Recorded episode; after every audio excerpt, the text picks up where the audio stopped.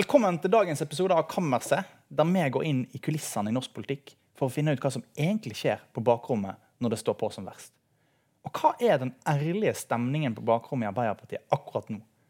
Vi har med oss en gjest som har vært i medienes søkelys den siste tida. En ung, uredd og frittalende ungdomspartileder. Men før vi går inn på kammerset, så skal vi ta en liten tur innom forværelset eh, for å kikke litt på hva som har gjort inntrykk på oss. Politisk redaktør Berit Aalborg. Eh, kommentator Sigrid Gårdsvold, som er supervikar for eh, Lars Inge Staveland denne uka. Og meg, kommentator Emil Andrestad.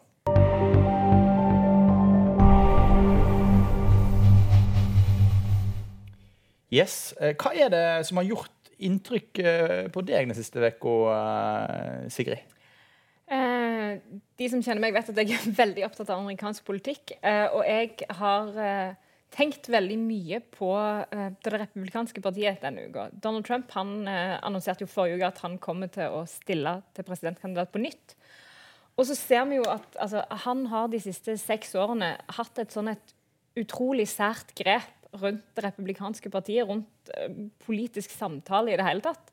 At det er ingen som helt tør å si at liksom, nei, men det går ikke denne gangen. For vi har jo alltid sagt nei, men det går ikke denne gangen. Og så går det ganske ofte ganske bra. Uh, men jeg tror jeg, Min refleksjon er nok at nå tror jeg at det er slutt. Uh, Donald Trumps tall går nedover og nedover. Uh, Ron DeSantis, som er guvernør i Florida, hadde en fantastisk kveld mellom valget for to uker siden. Han er på vei opp. nå tror jeg vi er veldig nærme å si at liksom, Trump-perioden i amerikansk politikk er over. Og det er jo veldig, veldig spennende. Wow. Og velkommen i podkasten. Jeg glemte å si det. Det er veldig hyggelig å ha deg her. Eh, Berit, hva er det som har gjort inntrykk på deg? Altså, jeg har drevet og sett en uh, serie på NRK som heter 'Last jødene'. Som handler om da norske jøder i 1942 ble deportert. Og det er faktisk lørdag nå, 26.10, så er det 80 år siden. Uh, og det det som bare slår meg når jeg ser den serien, og jeg har også fulgt en del med på dette tidligere, og også både skrevet og lest mye om det, det er rett og slett det at i Norge så har vi innmari mye å stå til ansvaret for. Både norsk politi, ganske mange mennesker i Norge hjalp til på en eh, negativ måte, sånn at mange jøder ble tatt. Så Vi hadde jo ikke veldig mange jøder i Norge på det tidspunktet, men et relativt stort antall ble deportert og drept i Auschwitz-Birkenau eller eh, noen av de andre konsentrasjonsleirene.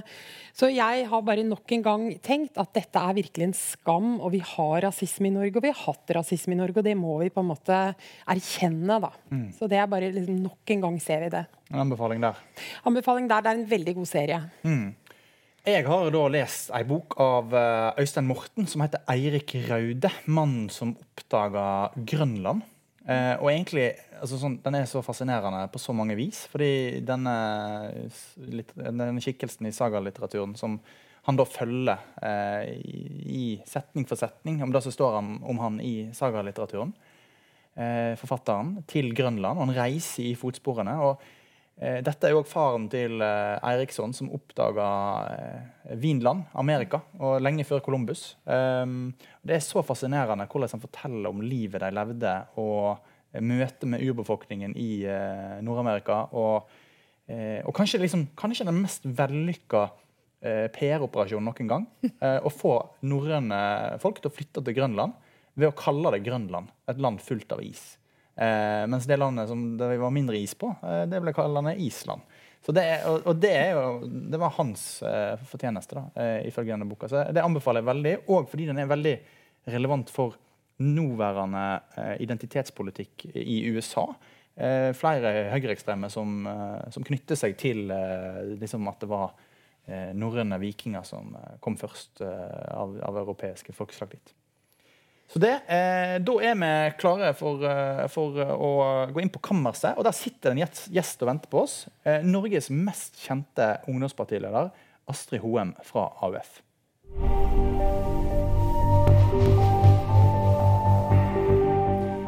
Astrid, velkommen hit til kammerset. Takk for det. Veldig kjekt å ha deg her. Eh, du eh, er jo eh, ungdomspartileder i eh, AUF, og er jo dermed en av de mektigste i partiet. Eh, sitter vel i både ledelse og sentralstyre og ting og tang. Eh, men det er jo et parti som på denne, den siste uka har sett femtallet Nei, 15-tallet på målingene. Ikke 50 eller Ikke ennå.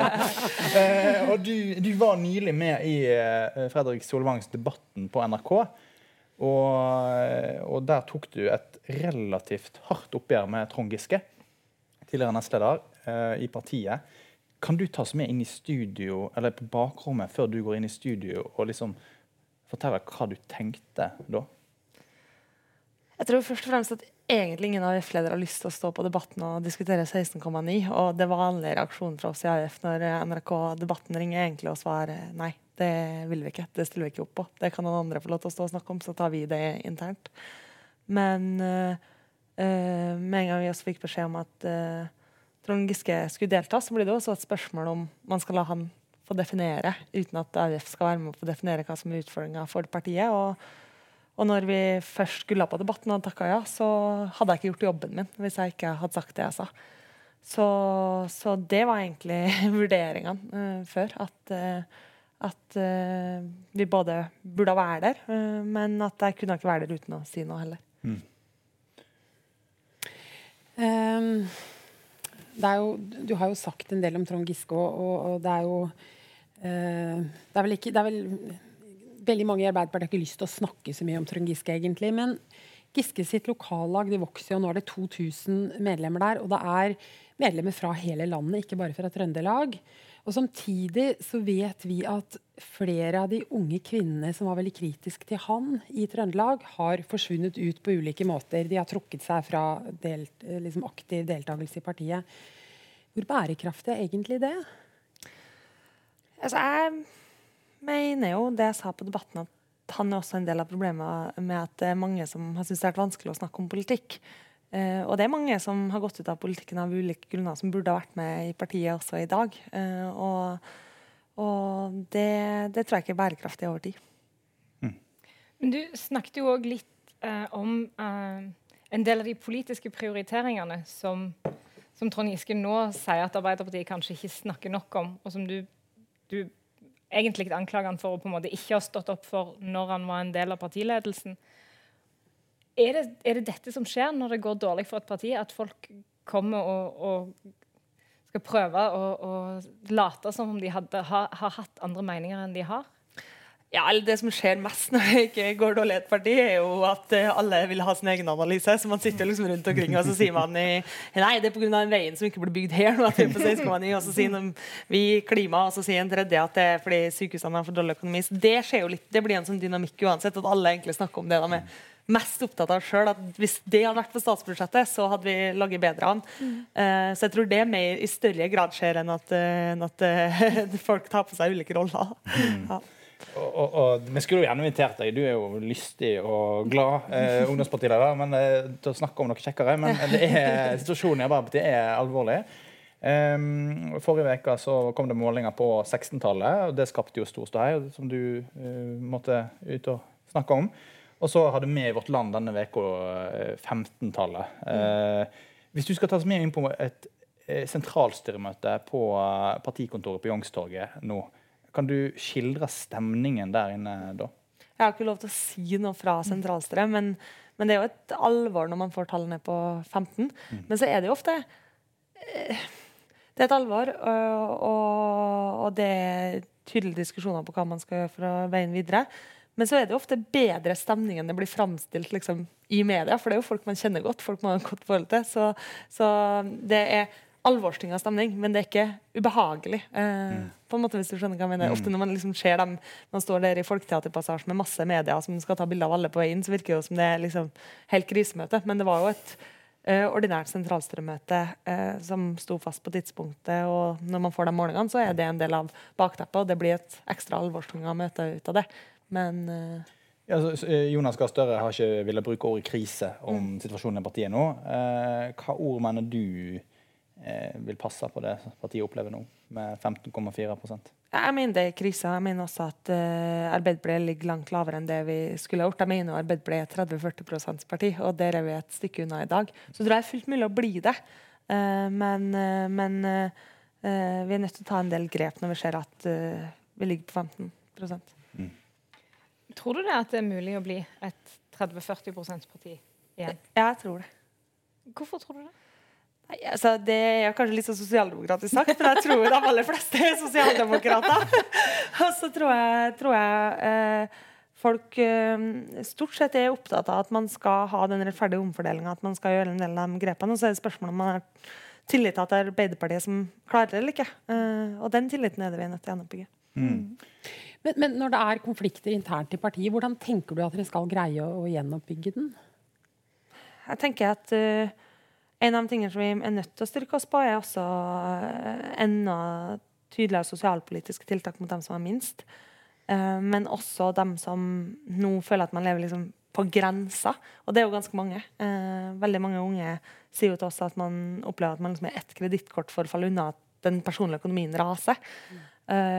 og og der er det en del steder vi ikke har tatt politiske grep som vi burde ha gjort. At liksom Kredittkortselskapene får holde på sånn som de gjør, og er blant de selskapene som stiger mest på børsen. Eh, samtidig som folk liksom strever med å betale på regningene deres. At det ikke er offentlig regi. At, liksom, at, det ikke er kommunene eller andre som har ansvaret for det, men private aktører. At vi ikke gjør sånn som Danmark gjorde med å sette et tak på hvor mye du kunne øke husleia, fordi man opplevde at husleierne bare økte og økte når renta økte. Eh, jeg tror vi en, kan bli enda flinkere på å bruke de politiske virkemidlene man egentlig har. da for, å, for, å, treffe dem som nå eh, får det reelt vanskeligere. Mm. Eh, det, er jo, det, er jo, mange diskusjoner og mange, sitter, mange Arbeiderparti-folk som sitter rundt og mener noe om, og alle mm. har sin løsning. Det er kjepphestene sin tid. Men mm. hva er altså Én ting er det politiske svaret på krisa. Det er jo noe som hender at det er der. Og så snakker jo vi med folk i partiet eh, som jobber i partiet, i apparatet, og får et inntrykk av at eh, både at dynamikken internt mellom de som jobber med å selge ut partiets politikk, er, er ganske dårlig, eh, og at Jonas Gahr Støre, statsminister og, og, leder, står ganske alene i stormen. Eh, F.eks. når han gikk ut og, og støtta deg og det du sa mot Trond Giske på Politisk kvarter forrige uke, så, så, var det lite Altså, han står alene. Hva, hva, hva tenker du er grunnen til det? Jeg vet ikke om jeg er enig i at uh, Jonas står så uh, alene, men jeg tror f.eks. at uh, man har ikke lyst til at den debatten skal rulle og gå heller. Det, så det er liksom ikke førstemann å ringe til VG og fortelle hva ditt syn er på den debatten som gikk. Jeg tenker Det kanskje er greit òg. Ja. Um, og så var jo Jonas tilfeldigvis på Politisk kvarter den dagen og ble spurt om akkurat det. Men, ja. Men, uh, men, at ikke flere går ut og, og backer opp om statsministeren sin? Eller ser det annerledes ut fra innsida? Er det mye backing der? Jeg opplever at det er mye backing. Mm. Uh, og jeg opplever at uh, Jonas for eksempel, er stor stjerne i AUF, der jeg vanker aller mest. Så, mm. så uh, det er kanskje bare at det ikke alltid alle som ringer det er ikke alle som føler at de har så kort kontakt heller til media. tror jeg. Så det er du lokalpolitiker et sted, så er ikke det første du tenker at du skal ringe liksom, NRK eller VG. Nei, Det er jo en del lokalpartier som har tett kontakt til media andre veien. ja.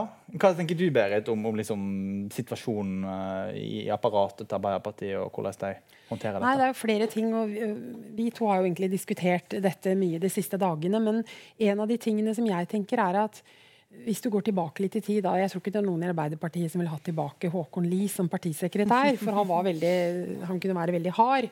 Men det er klart at når man ser liksom, eh, Giske-saken ruller, så undrer man seg litt over at altså, Fordi over at ikke man har en partisekretær som slår litt hardere ned. Da. For at, ikke sant, Når du har en statsminister i et parti, og det så du også, det var sånn som man dreiv på i Høyre tidligere, da tar statsministeren seg av styring av landet, og så skal partisekretæren på en måte ta seg av styring av partiet. Og det at man da lar en del av denne uh, uenigheten surre og gå, det syns jeg er fascinerende, og jeg tenker at man kanskje da burde fått en, annen, eh, fått en, partisekretær som fylte den rollen litt bedre. Mm. Og så har vi også snakka litt om det stortingsopplegget ja, uh, mellom storting og regjeringsfraksjonen. Ja, det virker jo, det, og det ble satt på spissen i den debatten, uh, episoden om sosialhjelp og fattigdom som var nylig, der Arbeiderpartiet ikke stilte. og Så ble det en liten sånn oppvask på hvorfor stilte vi ikke.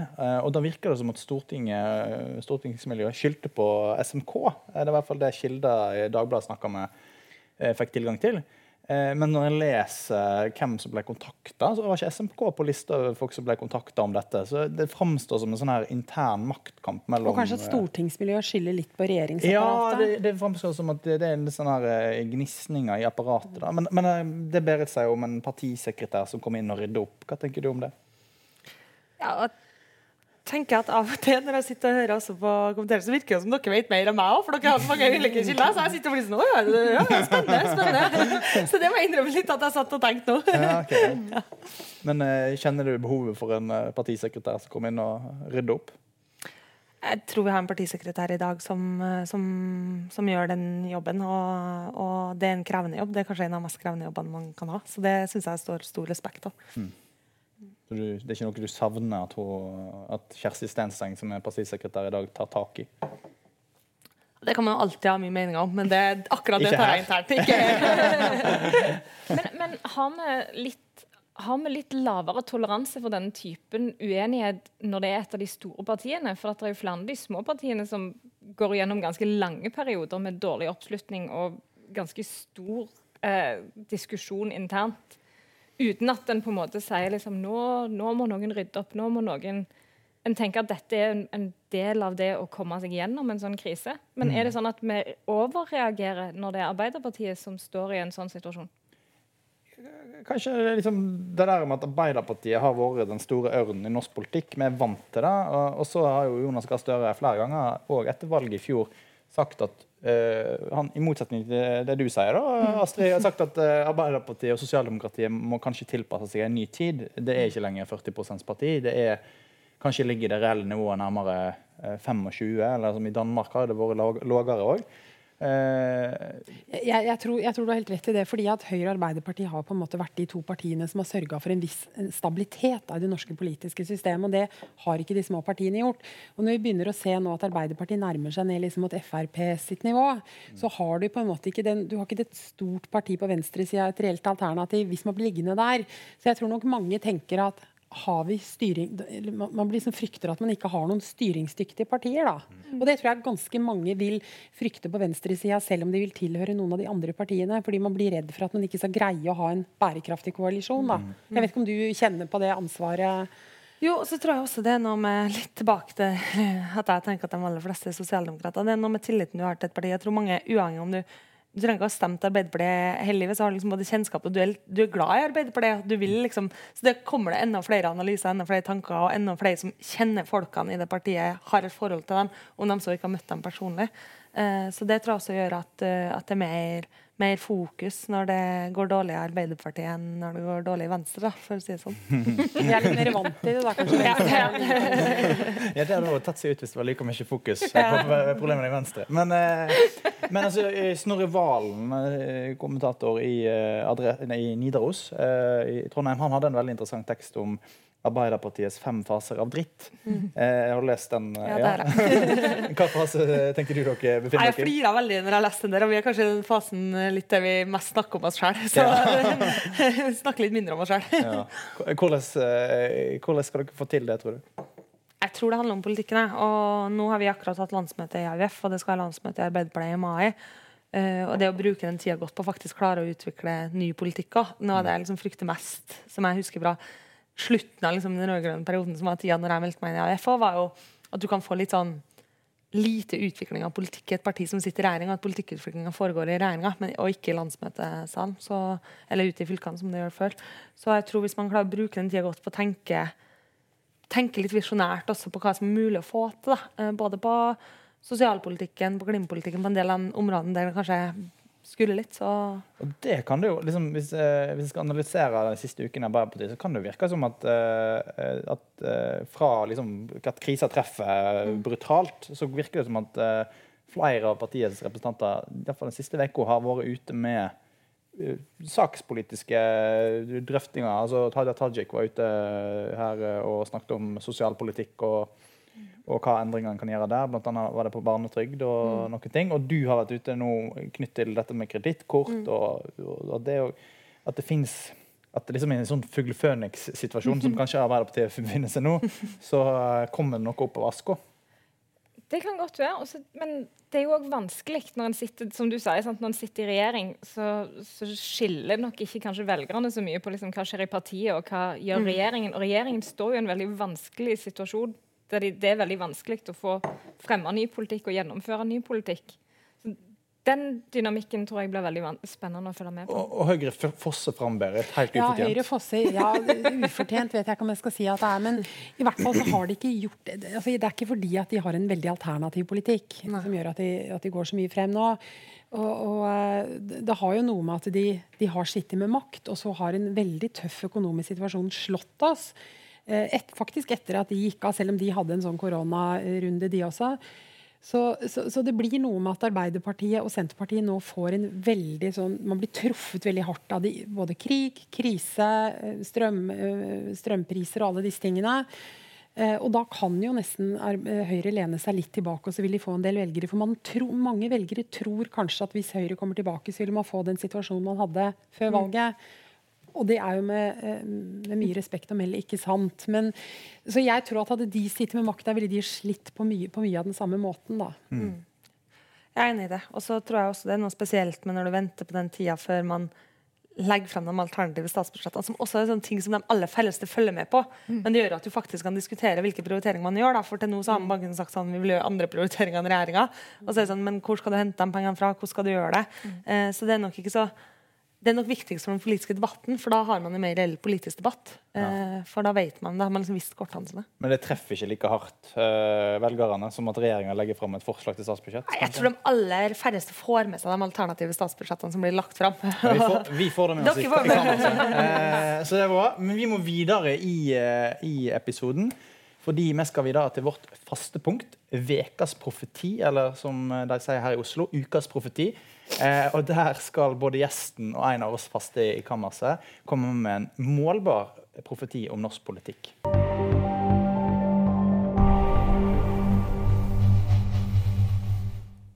Ja, eh, Astrid, du eh, er jo en eh, tøff og uredd eh, ungdomspartileder. Hva er din vågale profeti om norsk politikk? Jeg tror at vi kommer til å ha rød-grønn regjering før eh, stortingsvalget i 2025. Altså, det betyr at Med SV SV. inn, går inn i regjering? ja. Du tror det? Ja, jeg tror eller håper Jeg kan også være litt Nei, men eh, Spennende. Ja. Eh, hva er det som gjør at du tror det, da? Nei, jeg tror at uh, Nå kommer vi til å ha et kommunevalg, og det blir jo spennende å se hvordan det går. Uh, og så tror jeg på sikt, hvis vi skal ha den situasjonen her, at det kommer til å snu litt på hva man tenker om styring også. At det er viktig at man har styringsdyktighet. Og det er det SV som kan være med på å gi med å gå inn i regjering. At man har en flertallsregjering. Um, og så tror jeg at, eh, at man etter hvert også Kanskje man får synliggjort mer av gjennomslagene sine på utsida, men at uh, alle som har drevet med politikk, vet jo at eh, det er jo i hverdagspolitikken i regjering du egentlig får mest gjennomslag. Um, og så Men tror du Senterpartiet kommer til å gå med på det her? Ja, jeg tror det. Eh, jeg tror eh, jeg tror det er fullt mulig å få til den type, en eller annen type rød-grønn regjering. Eh, men at det blir enkelt, det tror jeg ikke. Men, eh, men man hadde jo også sonderinger der det ikke var Senterpartiet som gikk, men SV. Og hvem må bli leder i SV for at det skal skje? Det skal jeg ikke kommentere på. Men, jeg, eh, men, men jeg, tror, jeg tror og håper at det kan gå i løpet av egentlig den perioden vi er inne i nå. Det er en veldig vågal og spennende profeti. Den skal du, den skal du dømmes på. Eh, det er jo dommens eh, eh, tidspunkt i denne podkasten. Og Berit, du er den første som har kommet med en profeti i podkasten som vi, kan, vi kan dømme litt. Fordi Forrige gang så opplevde iallfall jeg, eh, etterlatt inntrykk av det du sa, at, at Arbeiderpartiets bunn var nådd. Eh, men det Nei, var jeg sa ikke det, men jeg, jeg sa ikke det. Og jeg, vi, har, eh, vi har diskutert dette mye. Men det jeg mener og sa da, i hvert fall det jeg mente, var at jeg tror at Arbeiderpartiet kommer til å gå litt opp igjen. Ja.